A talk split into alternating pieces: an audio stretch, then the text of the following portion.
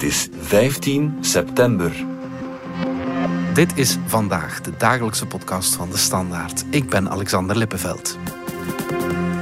De energiecrisis slorpt alle aandacht op van onze toppolitici. Met wisselend succes, want veel hefbomen hebben ze zelf niet in handen. We kijken vooral naar Europa en naar de energiereuzen zelf. Maar één ding is zeker, onze regering is van het ene crisismanagement, corona weet u nog, in het andere beland. Maar is dat ook een goede zaak voor de leider van dat crisismanagement, premier Alexander De Croo?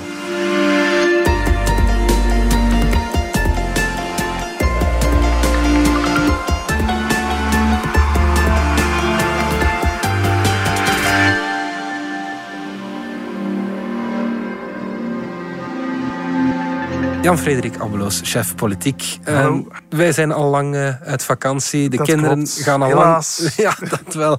Kinderen gaan al lang weer naar school. Maar de politici, die zijn nog altijd in vakantie eigenlijk. Hè. Is dat een beetje stout als ik dat zeg?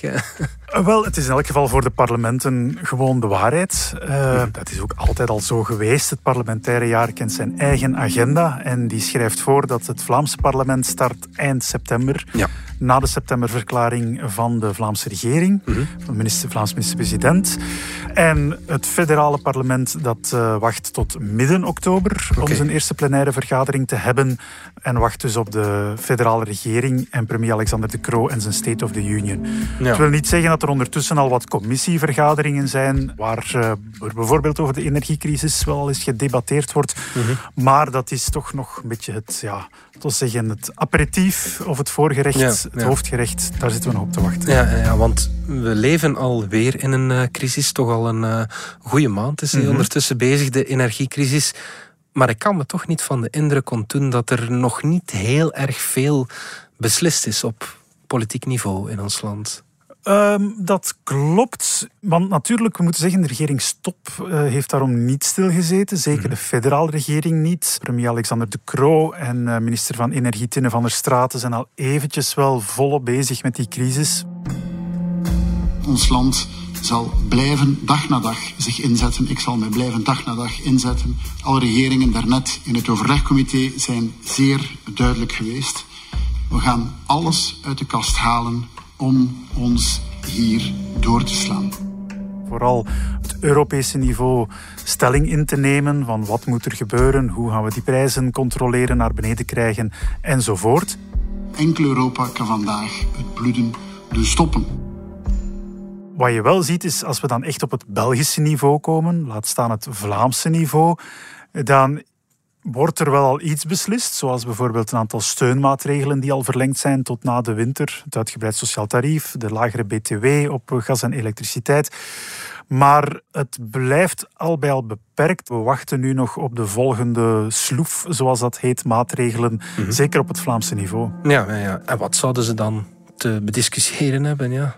Wel, dat is een goede vraag. En dan komen we een beetje naar de kern van de zaak natuurlijk. Hè. Ja. Dus al vrij snel bleek, zeker nu in het heetst van deze crisis, dat de magische formule, uh-huh. als die al kan gevonden worden, dan zal het op het Europese niveau zijn. Dat heeft ook premier De Croo heel snel gezegd. Al sinds maart eigenlijk, zegt hij. Van kijk, die energiemarkten die zijn zot.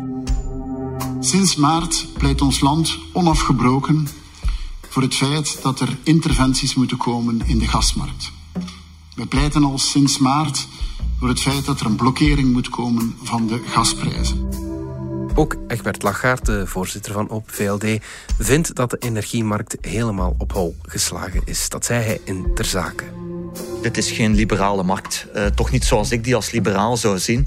Voor mij als liberaal is een vrije markt... dat is een kleine zelfstandige of een klein bedrijf... dat kan concurreren en eigenlijk zo door te concurreren de prijzen naar beneden brengt. De markt van energie in Europa is er een van monopolisten, van grote bedrijven... die alles bepalen qua prijs. Dat is geen echte vrije markt zoals een liberaal die zou willen. Zolang dat je die prijzen niet beteugelt, dan kunnen wij in België blijven waterhozen als het schip lek is, ja, dan gaan we zinken. In een vrije markt als die van de energie exact. kan je als ja. landje niet veel doen. Ja. En die prijzen zijn sindsdien alleen nog maar verder de pan uit gaan swingen. Mm-hmm. En dan kan je wel op lagere niveaus, zoals het nationale of het Vlaamse, een beetje de mensen tegemoet komen door effectief de facturen wat te verlagen. Op die manieren dat jij kan doen, BTW of door bepaalde heffingen er dus uit te halen. Of je kan mensen nog een cheque geven, zoals we ook een paar keer gedaan hebben. Of een sociaal tarief, dat is misschien nog de bekendste maatregel. Die is nu uitgebreid naar iedereen die een verhoogde tegemoetkoming heeft bij de sociale zekerheid. Mm is toch al een miljoen gezinnen, twee miljoen mensen wordt gezegd, die daarvoor in aanmerking komen.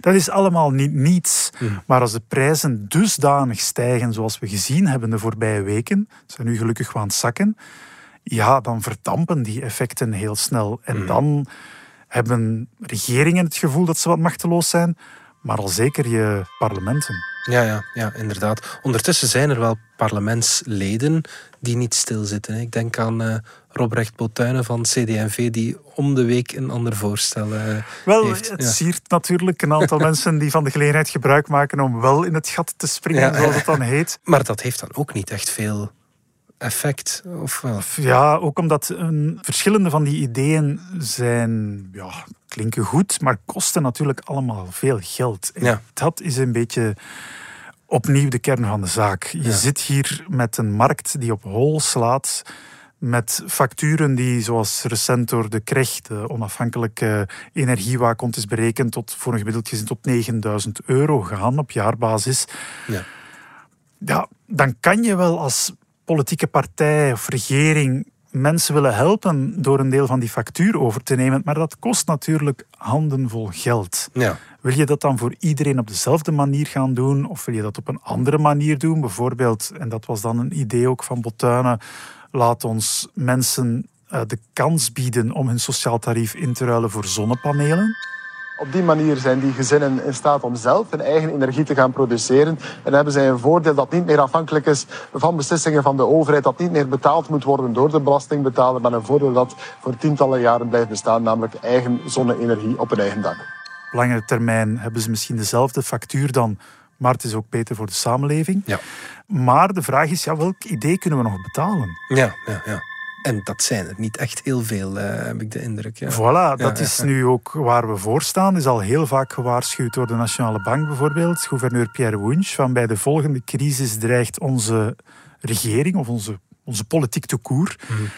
eigenlijk nog amper buffer te hebben om een extra uitgave te doen. Wel, dat is wat wij nu zien. Ja, ja. De laatste schatting is dat het eh, collectieve tekort voor alle overheden samen in het land boven de 30 miljard fietst. Dat is een absurd uh, bedrag. Als je weet dat ons, laat ons zeggen, ons totaal BBP heel grof afgerond uh, rond de 500, 550 miljard zit, ja, dan heb je door dat 30 miljard is gewoon heel veel in een land als België. Ja, ja. Maar we hebben nog geen discussie over hoe we die 30 miljard gaan opkuisen. Mm elk voorstel dat nu gebeurt, is een voorstel dat ervoor zorgt dat 30 miljard gewoon groter wordt. Ja, ja, ja, en ja, dan kom je wel op een punt dat onder andere iemand als Jan Jambon, maar ook uh, premier De Croo heeft al aangegeven, ja, we moeten wel opletten dat we natuurlijk uh, door op korte termijn nu nog meer te gaan uitgeven op uh, middellange termijn niet tegen de muur knallen. Ja, ja, inderdaad. Ja.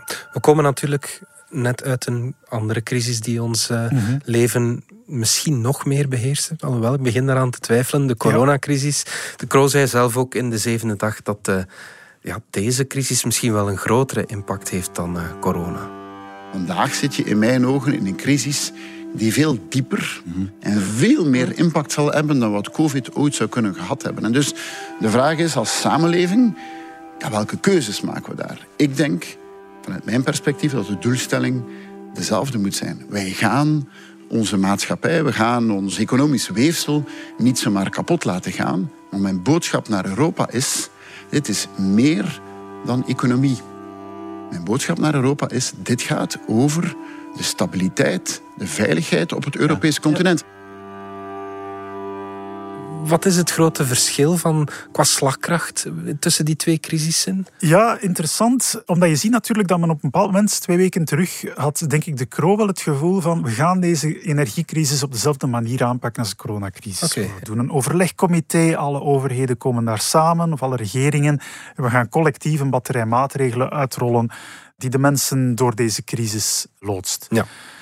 En dat is vervolgens helemaal verkruimeld, die aanpak. Het een mhm. beetje ieder voor zich geworden. En de reden daarvoor is denk ik dat Wat deze regeringen echt zouden kunnen doen om deze energiecrisis te lijf te gaan, is bijna een soort van draconische maatregelen nemen dat men met de coronacrisis echt heeft genomen. Ja. Namelijk, men kan zeggen, we gaan alle straatverlichting doven. Ja. We gaan de gaskraan afsluiten tussen 8 en 10. Ik ben nu maar wat aan het fantaseren. Ja, ja, ja. Niemand mag zijn oven nog gebruiken. Je moet je dampkap verplicht uitzetten in plaats van aanzetten. Ja, ja, ja. Ik maak nu even de parallel met de coronacrisis, waarbij, waarbij men heel ver ging in het dirigeren van ons dagelijks leven. We mochten zelfs niet buiten komen, tenzij om even te joggen. En dan mochten we, herinner u, vooral niet stilstaan tijdens die jogbeurt. En niet op een bankje En niet gaan op een zitten. bankje Ja, gaan zitten. Doodzonde. Ja. En je merkt dat de politici die die verboden toen hebben ingevoerd, dat zijn dezelfde die nu nog altijd aan de knoppen zitten. En ik kan me niet van de indruk ontdoen, ze willen daar niet naar terug. Hmm. Ook bij Groen merk je, de partij die toch bezig is met anders gaan leven. hè. Het was vroeger de naam van die partij. Ja. Wat consuminderen, al die buzzwords. Ja. Zelfs zij hebben het moeilijk om nu openlijk zaken op tafel te leggen als 100 per uur op de snelweg bijvoorbeeld. Ja. Ik vind dat heel typerend dat Ja. de, de grote allergie rond die maatregel, ook politiek, bijna het omerta om het daarover te hebben, ja. Denk ik heeft te maken met een soort van half trauma die die politici nog hebben van die coronacrisis, waar men plots heel snel ging in de collectieve opeenvolgende verboden van wat allemaal nog mocht en niet mocht. Ja, terwijl je ook zou kunnen denken, deze regering was een regering die een crisis heeft beheerd, ons daar heeft doorgeloodst. Ze zouden terug kunnen gaan naar wat ze goed deden, namelijk crisissen beheren. Maar het moeten maatregelen zijn waar er zeker, eh, eh, ja, dat is nu weer dat typische woord, hè, maar draagvlak voor is. Vanuit de samenleving moet er ook een bereidheid zijn om het offer te nemen. Ja. En je merkt dat er vanuit de politiek ook weinig pedagogie is om mensen daarvoor rijp te maken. Met de coronacrisis hadden we wel die virologen die altijd kwamen uitleggen hè, de R-waarde en wat het belang is van niet te veel mensen te zien, waarom we een bubbel moesten hebben, al die zaken. En ja, nu heb je niet diezelfde stoet economen die komt vertellen waarom we toch met z'n allen van dat gas af moeten, Ja. waarom we onze consumptie moeten dringend gaan verminderen. We doen dat wel, dat zie je spontaan in de cijfers. Er is een reductie van gasconsumptie boven de 10% van Belgische gezinnen. Dat is natuurlijk omdat iedereen schrik krijgt van die facturen. Ja. Dus die facturen hebben op zich al een belangrijke signaalfunctie en zorgen ervoor dat mensen hun gedrag aanpassen. En wat de politiek dan zegt is, dat volstaat. Wij gaan daar niet op deze tijden dat mensen zich ellendig voelen en schrik hebben voor hun factuur, nog eens met het vingertje staan zwaaien en zeggen, u mag dit niet, u mag dat niet. Ja. Want dan krijgen we al helemaal iedereen over ons. En politici hebben al geen overschot van krediet eh, in de samenleving. Nee, nee. Ja, misschien is het grootste verschil nog dat je bij deze crisis niet het risico loopt om eh, ja, dood te vallen, om het eh cru te stellen. Eh, ja, maar bij de coronacrisis konden heel veel mensen nog een zekere risicoanalyse maken Ja. en daaruit concluderen, bon, de kans dat ik er onderdoor ga is beperkt. Ja. Deze crisis treft veel meer mensen omdat je simpelweg jezelf moet verwarmen en moet elektriciteit hebben. Ik denk dat iedereen op dit moment beseft dat hij dit jaar, volgend jaar, veel meer gaat betalen voor zijn energie of haar energie dan vorig jaar. We gaan er even uit voor een korte boodschap.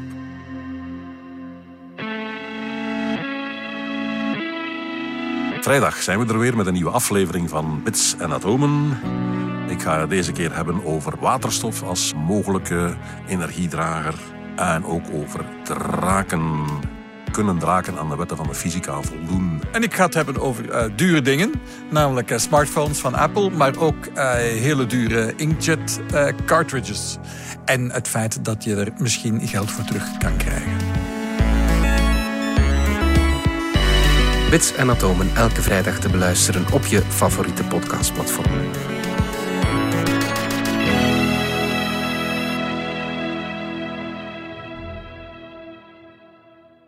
Jan Frederik, terug naar eh, de energiecrisis. De centrale politicus in al dat crisisbeheer is natuurlijk premier eh, Alexander De Croo.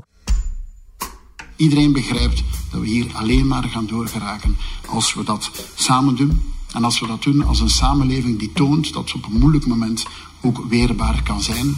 en alles in het werk zet om ons hier door te loodsen.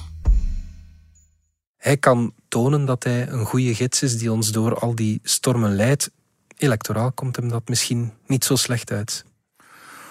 Dat zal moeten blijken natuurlijk, ook hoe goed hij is als gids en hoe we uit de storm komen. Mhm. Dus het is altijd moeilijk om daar voorspellingen over te doen. Maar het is wel nu noodgedwongen een rol waar hij komt in te zitten. Mhm. Een rol die hij ook wel een beetje kent. Hij is gestart oktober 2020 aan de vooravond van een grote coronagolf. Waarin hij heel snel geschakeld heeft en zich vervolgens wel eh, dat aura heeft aangemeten van crisismanager, geflankeerd door eh, minister Frank van den Broeke. Nu zie je eenzelfde tandem tussen De Croo en minister van Energie, Tine van der Straten. Ja.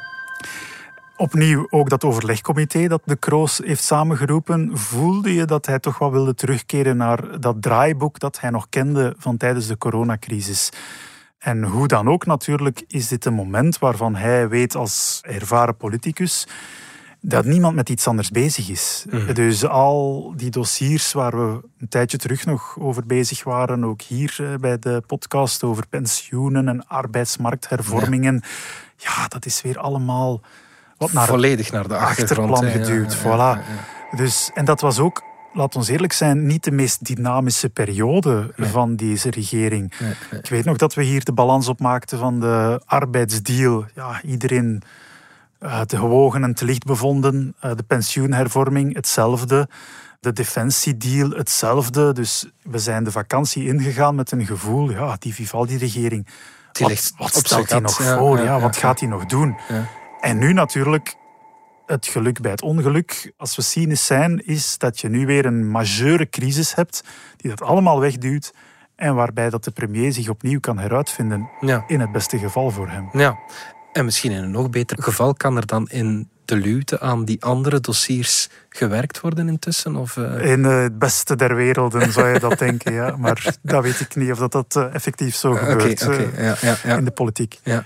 En hoe gaat zijn partij daar, daarmee om, Open VLD? Ja, die volgt hè. Eh, ook noodgedwongen. Het heeft nu ook geen zin om tegenover de Kroo een andere figuur te willen uitspelen, zoals de voorzitter bijvoorbeeld, Egbert Lachaert. Dus ook die partij keert eigenlijk een beetje terug naar de houding die ze had in het begin van de regering, de Kroo. Ook toen, zowel vicepremier van Quickenborne als voorzitter Egbert Lachaert stelden zich eigenlijk ten dienste van Alexander de Croo.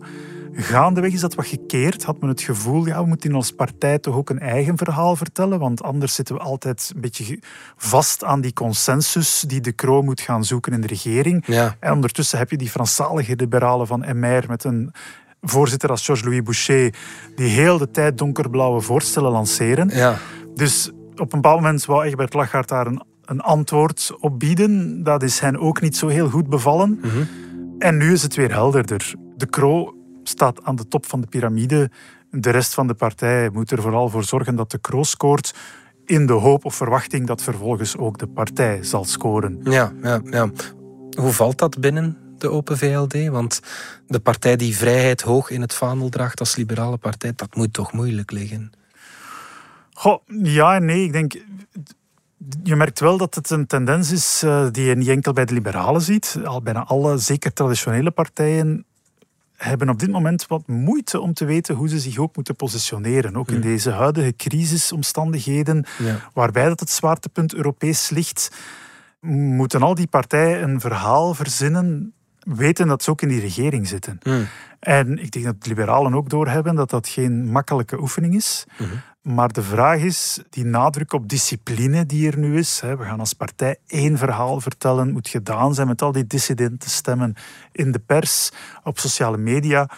Ja, hoe lang dat zo'n fabriekje op slot blijft natuurlijk. Ehm, het is ook weer een boetade, maar een paar slechte peilingen op rij.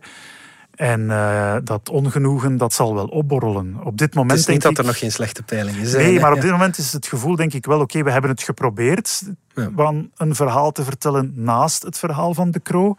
Dat is niet gelukt. Dus voilà, laat ons nu maar de keuze maken die veel waarnemers ook de logische vinden, namelijk de partij die de premier levert. Ja, die heeft eigenlijk één opdracht. Dat is, zoals bij schaken, is dat dan beschermde koningin. Ja, in de regering is dat beschermde premier. Ja.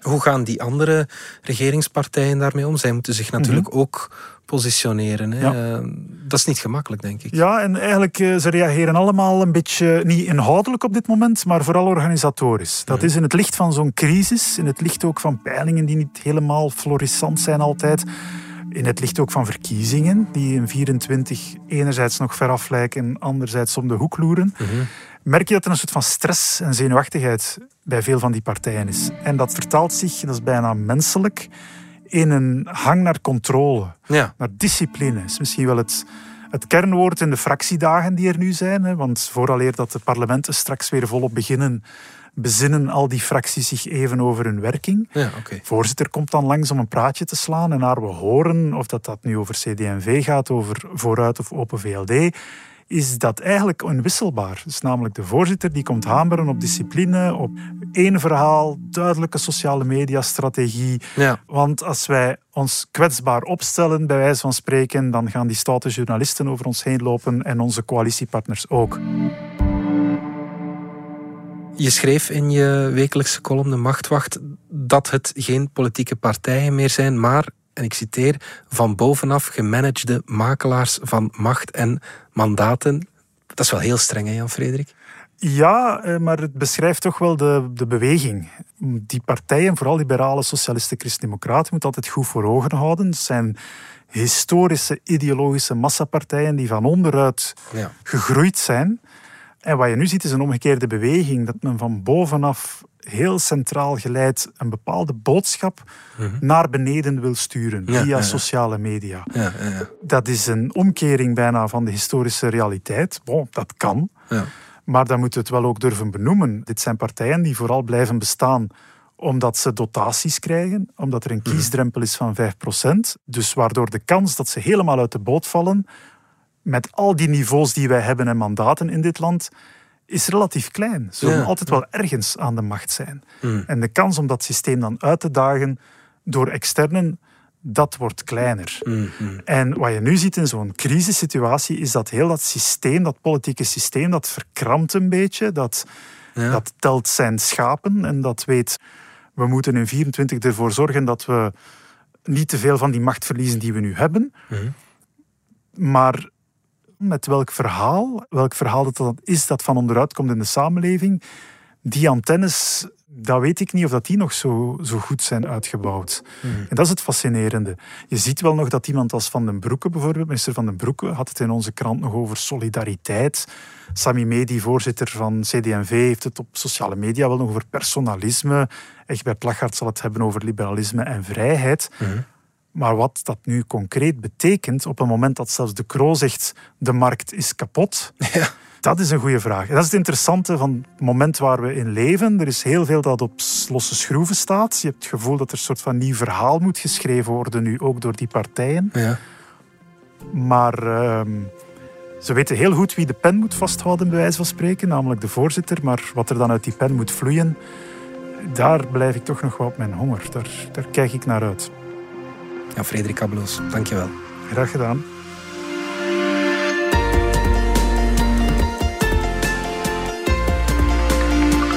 Dit was vandaag de dagelijkse podcast van De Standaard. Bedankt voor het luisteren.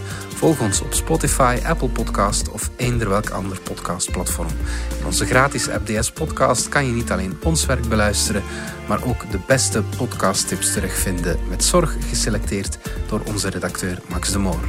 Alle credits van de podcast die je net hoorde vind je op standaard.be-podcast. Reageren kan via podcast.standaard.be.